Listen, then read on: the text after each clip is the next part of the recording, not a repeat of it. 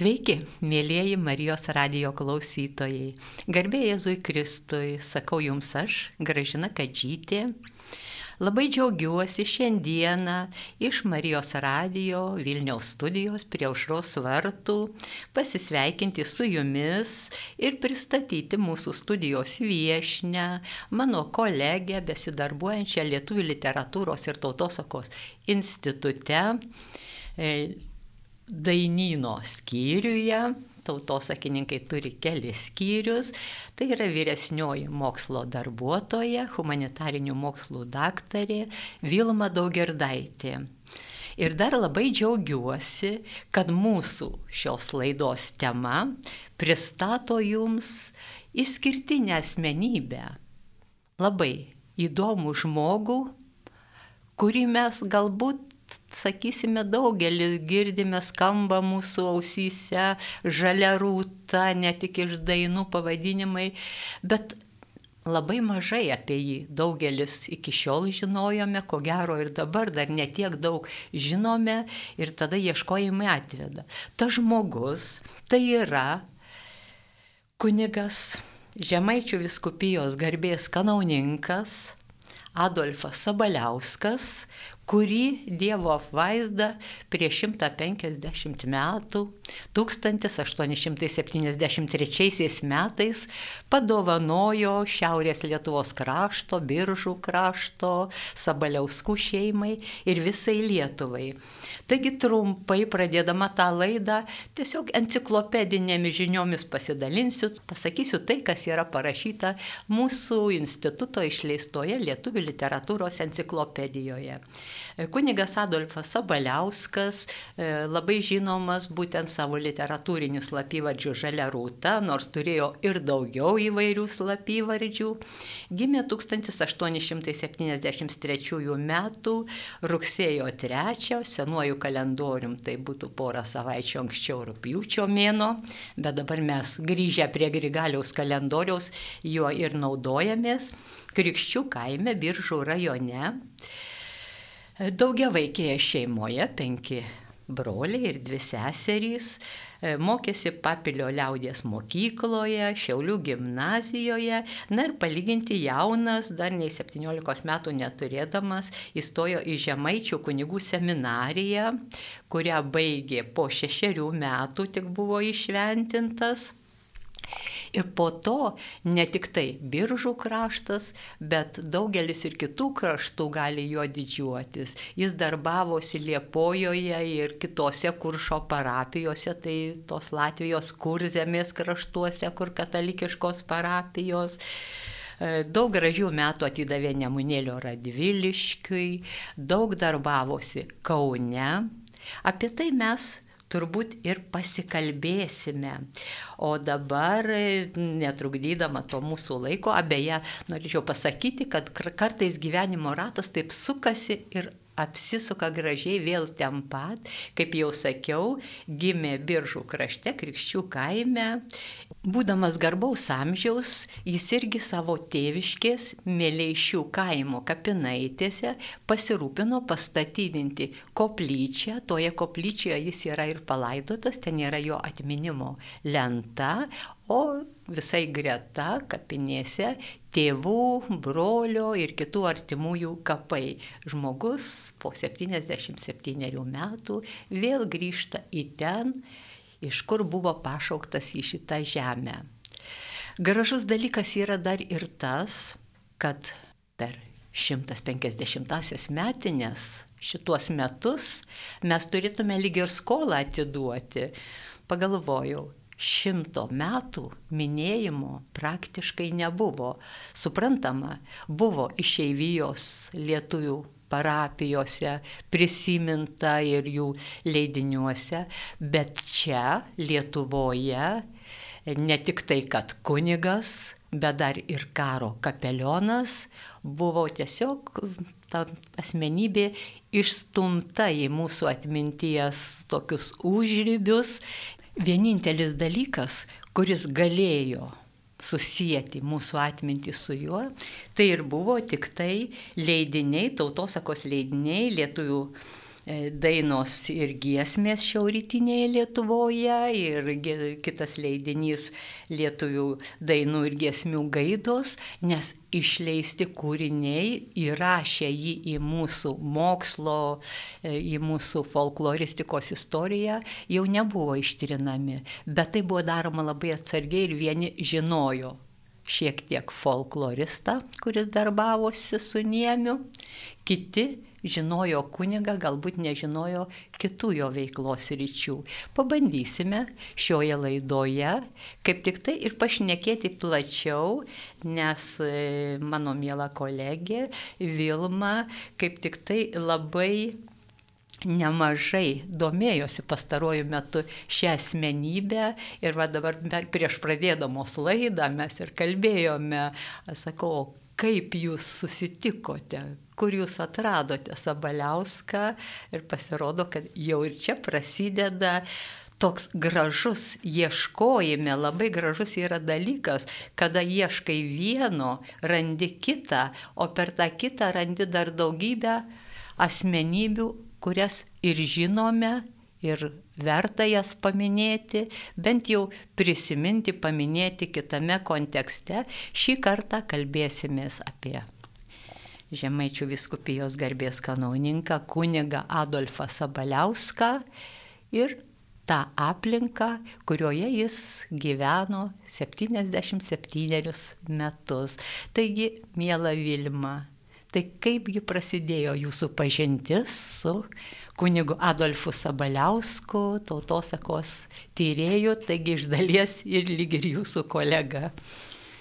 Adolfo Sabaliausko vardą kaip folkloristė girdėjusi, žinau, beje, su kolege Jurgita Usaitytė esame parengusios ir tokią internetinę duomenų bazę, kur pristačiusios esame folkloristams ir etninės kultūros žinovams e, aktualią medžiagą, tai yra Adolfo Sabaliausko ir suomių folkloristo Aukuščio Roberto Niemio suskaitmenintus rinkinius, dainų rinkinius, spausdintus, taip pat rankraštinius suomių folkloristo rinkinius.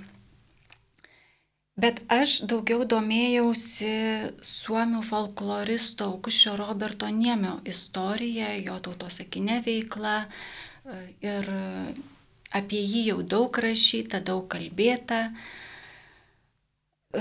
Man kirbėjo, kaipgi mesgėsi tuo met, kai Lietuvoje nebuvo jokios tautosakos mokslą kūruojančios, prižiūrinčios, netgi tautosaka buvo nebuvo institucijos, kuri rinktų tautosaką, jau nekalbant apie tai, kas tą medžiagą tirtų, kaipgi mesgėsi jo ryšiai. Ir prisigaudai tokios vienokių detalių, kitokių, iš vienur viena, iš kitur kita informacija. Ir kirbėjo klausimas, kokie ryšiai buvo tarp Aukuščio Roberto Niemio ir kito kunigo Konstantino Ušauskio.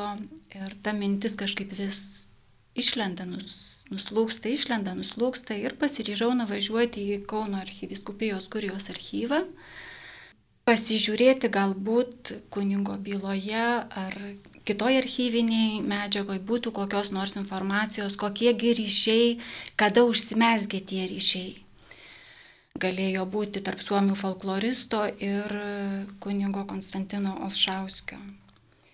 Deja, sužinojau, kad kunigo Konstantino Alšauskio byla labai, labai skurdi, tragiško likimo kunigo byloje iš esmės jokios medžiagos nebuvo, bet kalbantis su archyvarė Sigute Švitrinienė, kuriai esu labai dėkinga už tai, kad atradau Sabaliauską, užsiminus, kad kodėl aš domiuosi e, kunigu Konstantino Alšauskiu.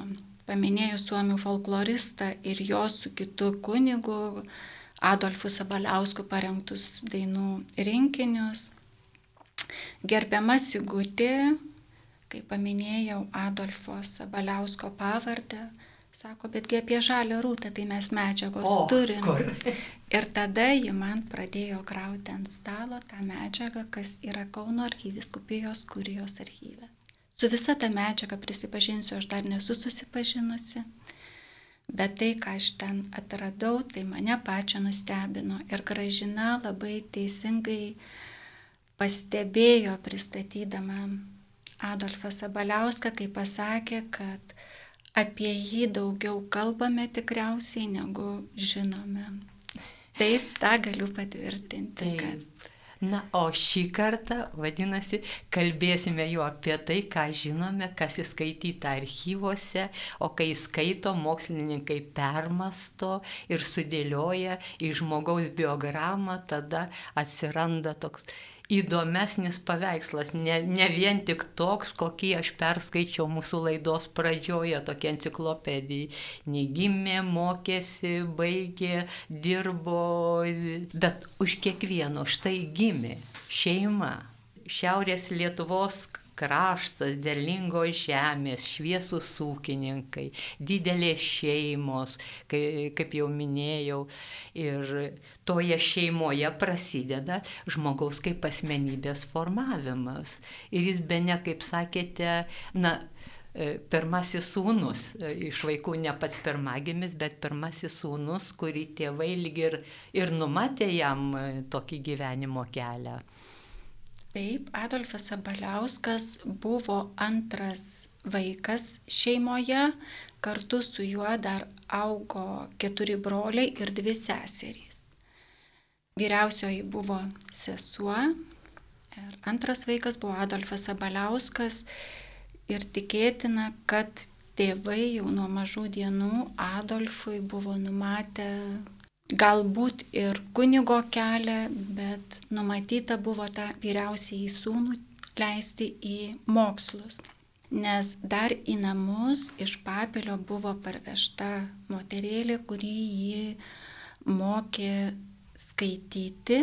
Beje, prisimena Adolfas Abaliauskas, kad mokė skaityti iš lenkiško elementoriaus, kitokių tuomet ir negalėjo būti kaip jisai pats paminė, ir poterius tikriausiai mokėsi lenkiškai, bet kalbant apie Sabaliauskų šeimą, aktuali būtų ta aplinkybė, kad pasakodamas savo gyvenimo istoriją, Adolfas Sabaliauskas vis dėlto nedeklaratyviai pamini, kad šeima buvo netitrūkusi nuo lietuvybės.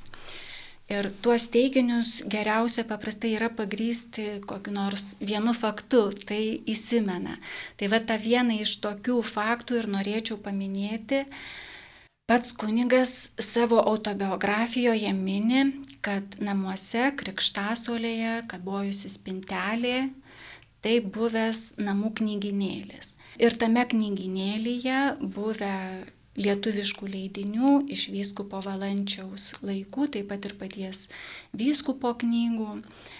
Pats Adolfas Sabaliauskas rašo, kad tą knyginėlį sukaupęs senelis Vincentas Sabaliauskas, kuris buvęs šviesus, tvarkingas, rimtas ūkininkas, tačiau e, Adolfo Sabaliausko pusbrolis, jo dėdės Mykolo sūnus Stasys Abaliauskas, etnokultūros tyrėjams taip pat labai gerai žinoma pavardė, yra minėjęs, kad Adolfo ir Stasio dėdė Tamošius Abaliauskas, buvęs knygnešys ir keletą kartų pats yra nuėjęs į Varnius pas vyskupą Motiejų Valančių ir parsinešęs lietuviškų leidinių.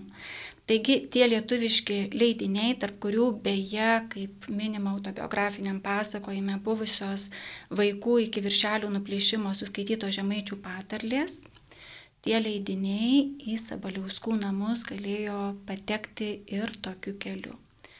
Tai vėlgi paliudytų, kad šeima tikrai tas paminėjimas, kad šeima buvo nenutolusi nuo lietuvybės, yra nedeklaratyvus Ir pats e, Adolfas Abaliauskas paminė trumpai beje, kad Paliulių šeima tai yra mamos šeima, mama buvo Jeva Paliulytė, pritarė 1863 m. sukilimo idėjoms. Beje, nors mama anksti mirė, Adolfas mokėsi trečioje gimnazijos klasėje, kai mirė mama ryšiai su mamos giminė nenutrūko ir jau besimokydamas Žemaičių kunigų seminarijoje Kaune vasaras mėgo leisti dėdžių namuose, mamos brolių šeimose ir yra labai gražiai pasakęs, kad abiejų dėdžių namų namai buvę šviesus ne tik savo langais, bet ir savo dvasia. O tai čia tie palilių šeima, namai, tai turbūt ir Stasys Paliulis, instrumentinės mūsų muzikos tyrinėtojas, čia irgi artimas giminaitis. Taip. Va kaip viskas susidėlioja. Bet dabar žiūrėkime tada ir keliaukim, jūs paminėjote, kad gimnazijoje mokėsi, bet kaip čia taip atsitiko vėlgi, kai mes kalbėjome, kad e, toks tikrai jaunų metų, kaip sakėt, 17 metų dar neturėjo ir jis jau įstoja į kunigų seminariją ir paskui baigė tą seminariją, viską išlaiko, o dar amžiaus cenzas ir šventimų negali priimti su kursiniais. Apie mokslus reikėtų paminėti, kad pramokęs skaityti namuose lenkiškai tėvų buvo išleistas į pradžios mokyklą. Pradžios mokyklą lankė papilyje Vėliau įstojo į Šiaulių gimnaziją, berots 1884 metais.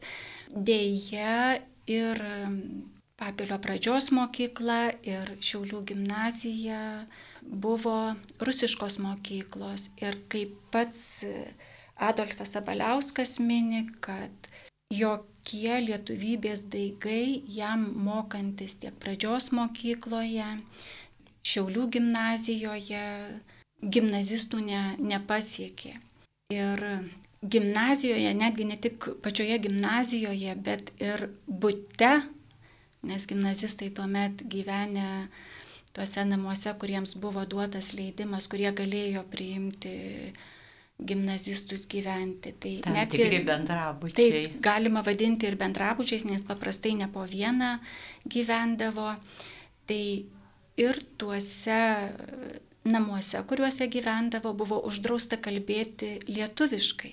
Ir lietuvybės jokia dvasia, netgi gimnazijos laikais, neprasiskverbė. Priešingai, kaip rašo Adolfas Sabaliauskas, jis buvo gimnazijos metais tikriausiai nutolęs ne tik nuo lietuvybės, bet ir nuo katalikybės galbūt per daug suaštrinu, bet galima paminėti faktą, kad baigdamas gimnaziją iš tikybos jisai te turėjo trejetą. Šiaip pažymiai buvo labai geri, baigė labai gerai, buvo tarptų pirmųjų gimnazijos moksleivių, o štai iš tikybos turėjo trejetą.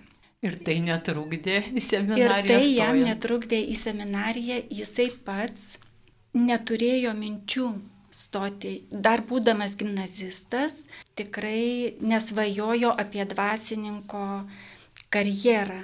O kodėl pasirinkęs e, seminariją, ai, dar galiu paminėti, at, kai gražina užduoda klausimą, atrodo, aptarėme, kalbėjome, bet tu, tie faktai lenda.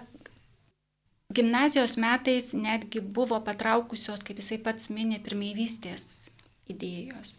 Tačiau nors asmeninių motyvų rinktis dvasininko karjerą 17-metis gimnazistas neturėjo, išleisti sūnų į kunigus siekė tėvas.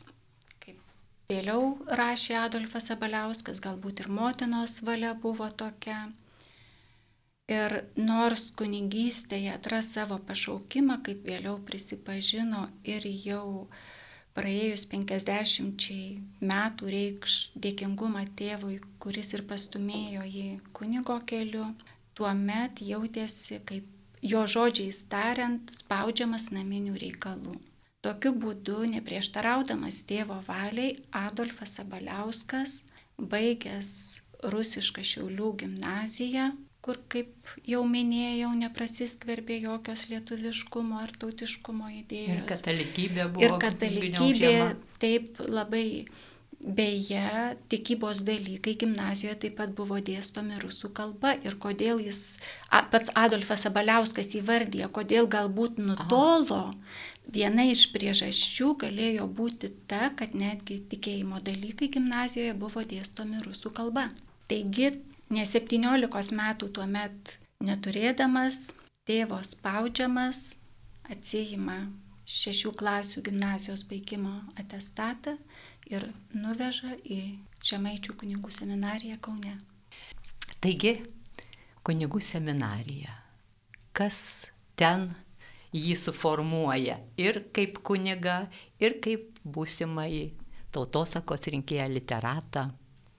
Pats Adolfas Sabaliauskas prisimena, kad įstojus į seminariją 1890 metais čia dar tebe viešpatavo lenkų kalba, tačiau, kaip rašo, lietuvybės dvasios vėjas jau dvelkia ir tą lietuvybės dvasę kursti vyresni seminarijos draugai, tarp kurių pirmiausiai reikėtų minėti tikriausiai Juozatumą, Vaižgantą, žadino turtinga seminarijos biblioteka, tiksliau seminarijos bibliotekos lituanistikos fondo knygos stiprino tą lietuvybės dvasę ir į seminariją patenkanti lietuviškoji spauda, taip pat ir kiti veiksniai, apie kuriuos galbūt užsiminsiu.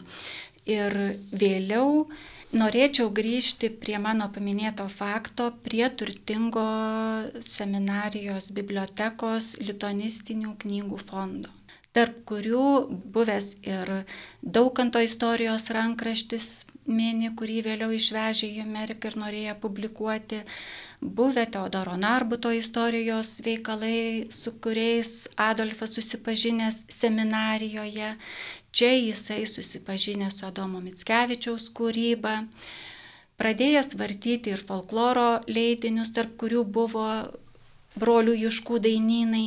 Ir vartydamas pats pripažįsta, kad būtent brolių Juškų dainynai jį ir paskatinę rinkti dainas.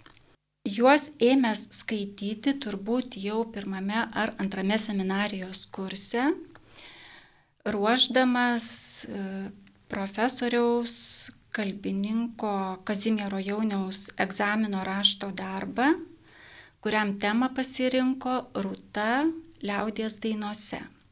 Ta tema jam ir padiktavo tuo metu vartyti brolių Juškų dainynai. Taigi tą norą galėjo sužadinti ir, kaip jau miniu, brolių Juškų dainynai, kurie sulaukė tikrai didelio atgarsio nuo meto visuomenėje. Tai grįžkime prie brolių iškų e, tos e, rūtos liaudės dainose. E, atrodo, kad jam pasisekė tas darbas, gerai buvo įvertintas ir jis netgi buvo publikuotas. Tai turbūt didelė paskata jaunam žmogui tęsti savo darbus. Taip, šis darbas vėliau per Juozo Tumo vaiškanto rankas pateko į Žemaičių ir Lietuvos apžvalgą ir buvo publikuotas 1895 metais, o liaudies dainų žalios rūtos įvaizdis e, tapo poeto literatūriniu slapyvardžiu, kaip mums žinoma. Taip, įdomus seminarijos metai, apie juos galima būtų irgi labai daug kalbėti, bet mes norime šitoje laidoje apžvelgti pabandyti pereiti tuos 77 gyvenimo metus. Taigi, baigė seminariją, išventintas ne kartu su kurso draugais, bet po kokių poros ar pusantrų metų, kada sukako amžiaus cenzas ir apie tą išventinimą jūs sakėte, kad vėlgi toks ženklas e, iš įdomios asmenybės rankų gauna šventąją dvasę. Taip, Adolfas Sabaliauskas į kunigų luomą, galima sakyti, buvo palydėtas katalikiškai lietuviškumą simbolizuojančiais vardais ir simboliais. Į kunigus jis buvo išventintas Žemaičių viskupijos sufragano Antano Baranausko, išventintas 1896 metais.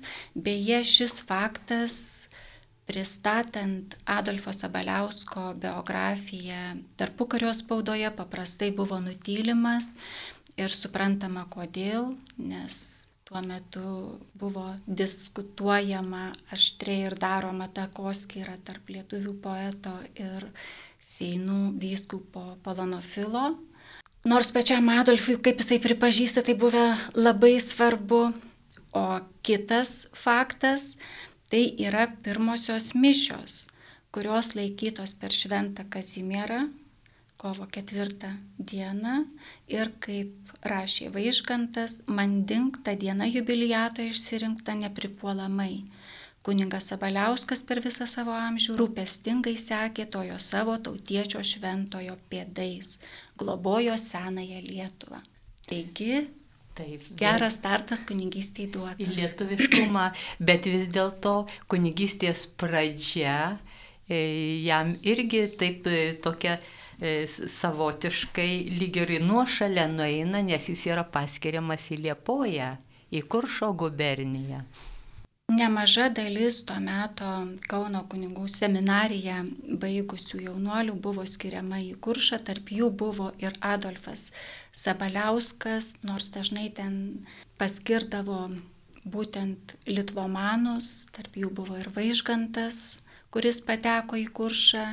Sunku pasakyti, dėl kokių priežasčių Adolfas Sabaliauskas patenka į kuršą. Jis paskiriamas į Liepoją, Liepojos aplinka jaunam vikarui buvo tarsi ir, ne, ir palanki, ir nepalanki.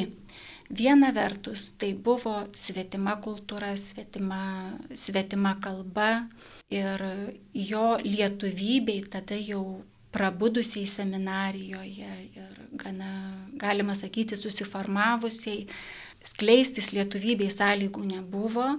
Kita vertus, jis pateko į gana intelektualią Liepojos kunigų aplinką, nes tuo metu Liepojoje klebonavo visiems gerai žinomas Edvardas von Ropas. Ir nors simpatijų lietuviams von Ropas nejautė, tačiau katalikų bažnyčios kunigai tikrai nejautė iš klebono jokios diskriminacijos, nesvarbu kokia buvo jų tautybė, santykiai buvo draugiški ir klebonijoje beje buvusi labai turtinga Fondropo biblioteka ir Adolfas Sabaliauskas, galėdamas naudotis tą biblioteką, aktyviai ją studijuoja ir supranta, kad norėtų pagilinti savo žinias dar studijuodamas. Kit, Ta, tai čia tas į Fribūro universitetą jau bandymas. Taip, išvažiuoti. galbūt tai buvo paskata jam išvažiuoti studijuoti į užsienį. Kita aplinkybė, kuri galbūt skatino pabėgti iš kuršo, tuo metu atsilaisvino Lyvpersės parapijos vieta, į kurią galėjo, kaip numanė, būti paskirtas jis. Ir štai, norėdamas pabėgti iš kuršo, jisai kartu ir pagilinti savo žinias, jis nusprendžia išvažiuoti studijuoti į užsienį. Ropo patartas nusprendžia vykti į Innsbruko universitetą. Beje, išvyksta, vėlgi galima sakyti, išvykimo data yra simbolinė, tai yra lapkričio 22 diena, Šventos Cecilijos diena, muzikos globėjos diena.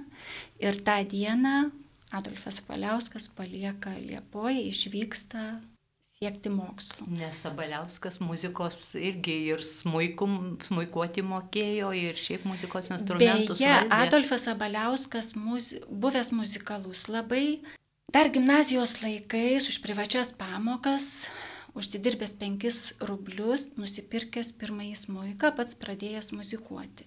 Kunigų seminarijoje muzikinių žinių buvo gavęs, seminaristams buvo dėstoma, dėstoma gėdojimas.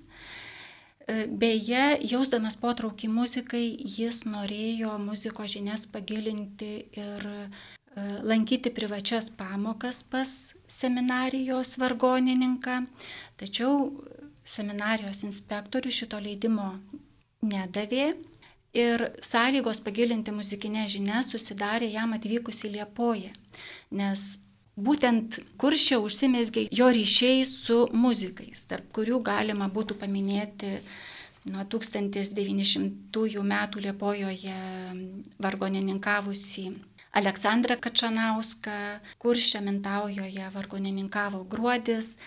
Taigi tie ryšiai su muzikais mesgėsi, Adolfas Sabaliauskas jau būdamas kuršė pramoko muzikuoti, kaip pats rašo, įsigijo fisharmoniją kažkada e, vargonininkui netėjus į mišes, jisai galėjo jau pagroti ir mišiuose. Taigi tų muzikinių žinių jisai turėjo, tačiau į užsienį vyko jisai ne muzikos žinių gilinti. Kai palankiai susidėstė tautosakininkiška jo biografijos pusė, tai spaudoje pasirodė ir teiginių, kad štai muzikinės žinias Adolfas Sabaliauskas gilino užsienyje.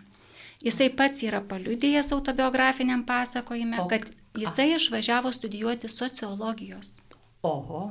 Tai jis vadinasi kaip universiteto, tokias platesnės studijas įgyjas, bet dėja atrodo, jam neilgai teko ten universitete pabūti atvyksta į Innsbruką, jisai jau baigiantis semestrui prieš pat kalėdų šventes.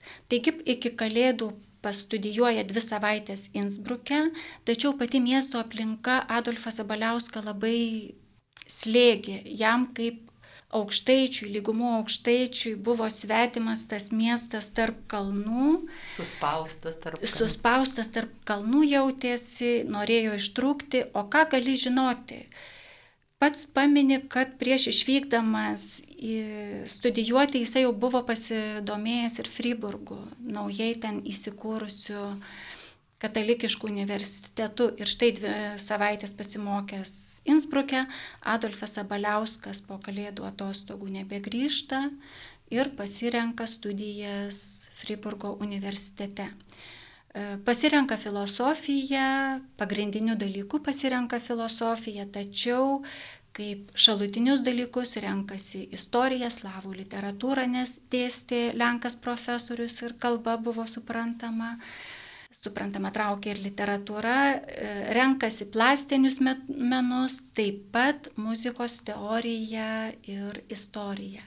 Ir būtent tas muzikos teorijos žinios Adolfui leido pagilinti jo jau turėtas muzikinės žinias įgytas ir Fribūro Šveicarijos universitete įgytas žinias, vėliau muzikinės žinias, vėliau jis panaudos užrašinėdamas liaudės dainas. Tos studijos jam pravertė ir kaip būsimam folkloristui. Taip, ir kaip folkloristui, ir kaip minėjot, ir netgi kaip religinės literatūros ir ritualo tvarkytojui, nes e, filosofijos, galbūt literatūros žinios irgi vertė religinius leidinius ir kaip minėjot, ir gesminą, kansonalą irgi sudarinėjo.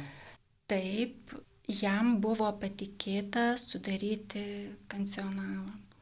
E, beje, čia reikia paminėti ir jisai išleidęs šį rinkinį parašė, kad rėmėsi kito kuningo Teodoro Brazio parengta medžiaga.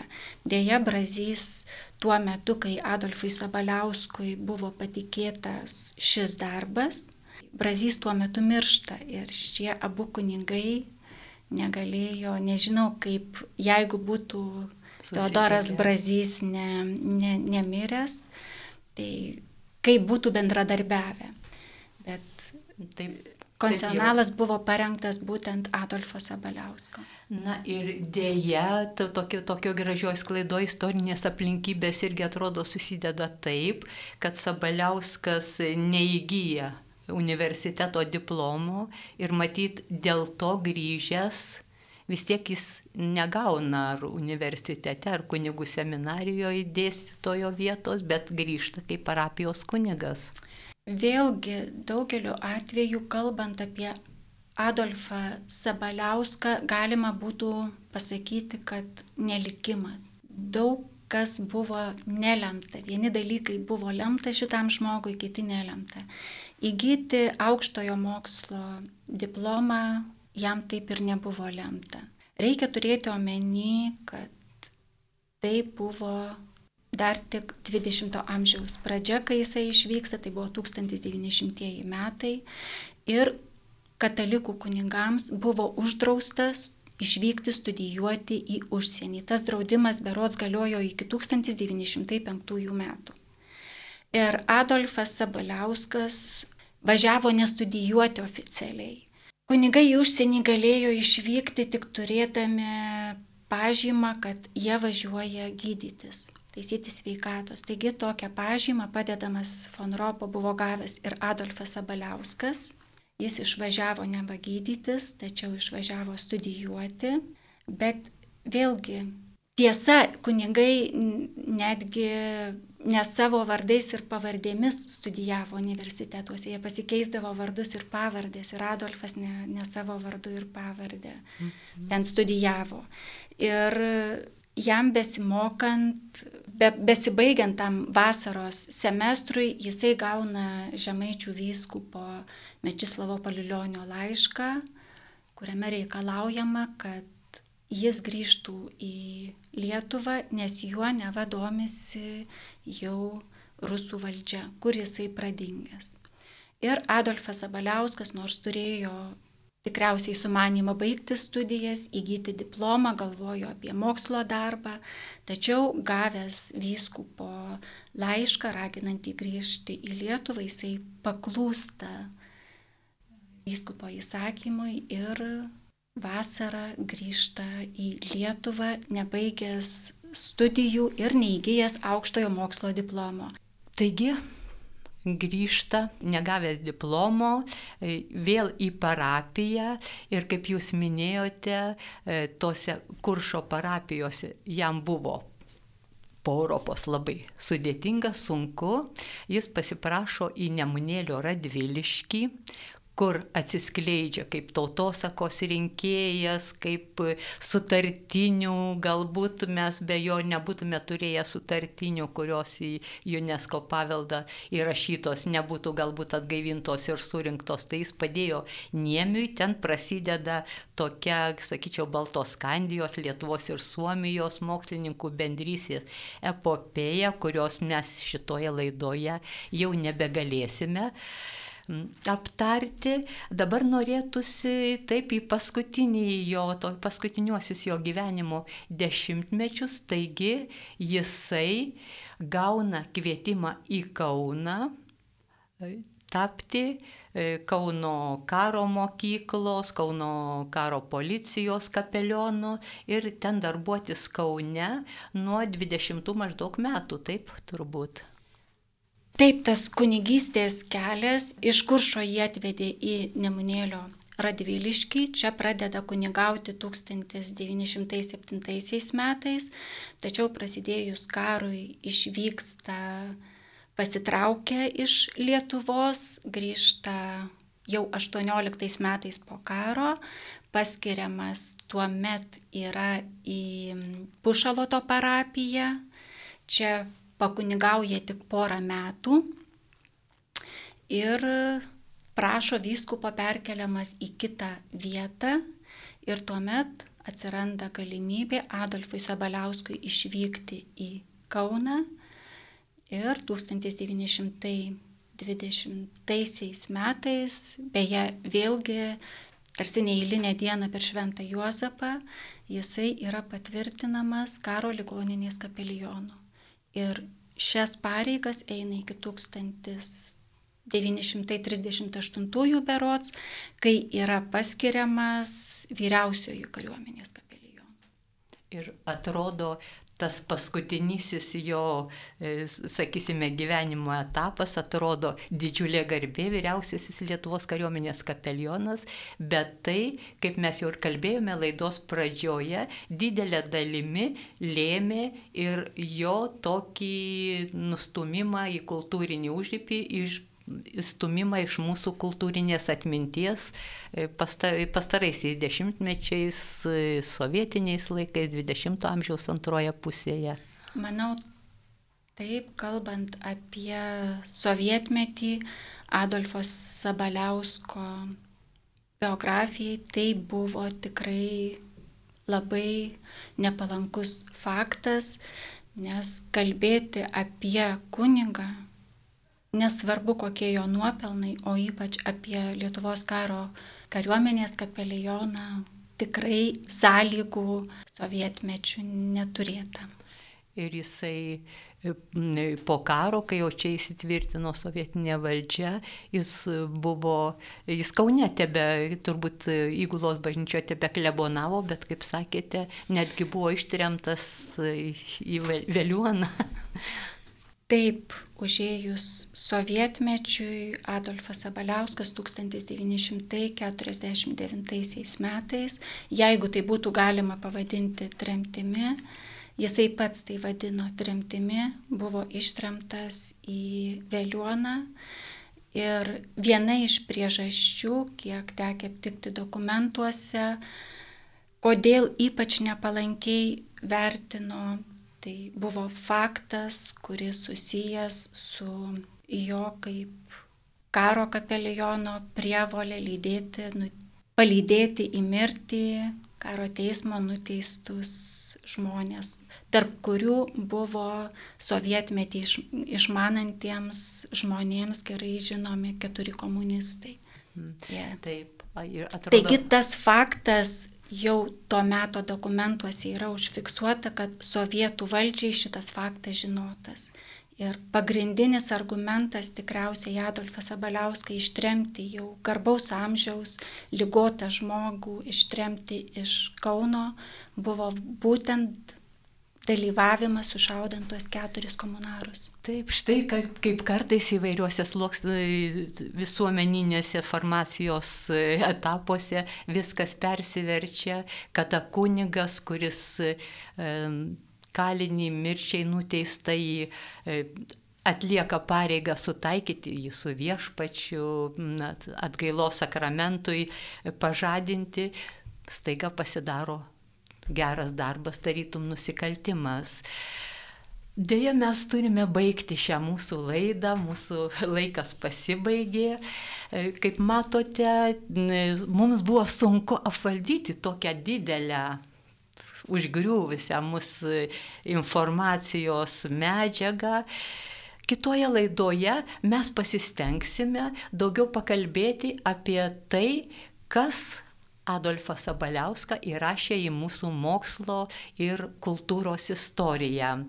E, dabar, mėlyjeji mūsų Marijos radio klausytojai, aš jums primenu, kad kalbėjomės su Lietuvų literatūros ir tautosakos instituto Dainino skyriaus vyresniai mokslo darbuotoja, daktarė Vilma Daugirdaitė ir kalbėjomės apie tautosakininkams labai gerai žinomą, bet ir mums žinomą ir girdėtą kunigą, kanauninką Adolfą Sabaliauską, labiausiai pažįstamą mums slapyvardžiu Žalia Rūta. Ačiū Jums, kurie klausėtės, likite su Marijos radiju, iki kitų susitikimų.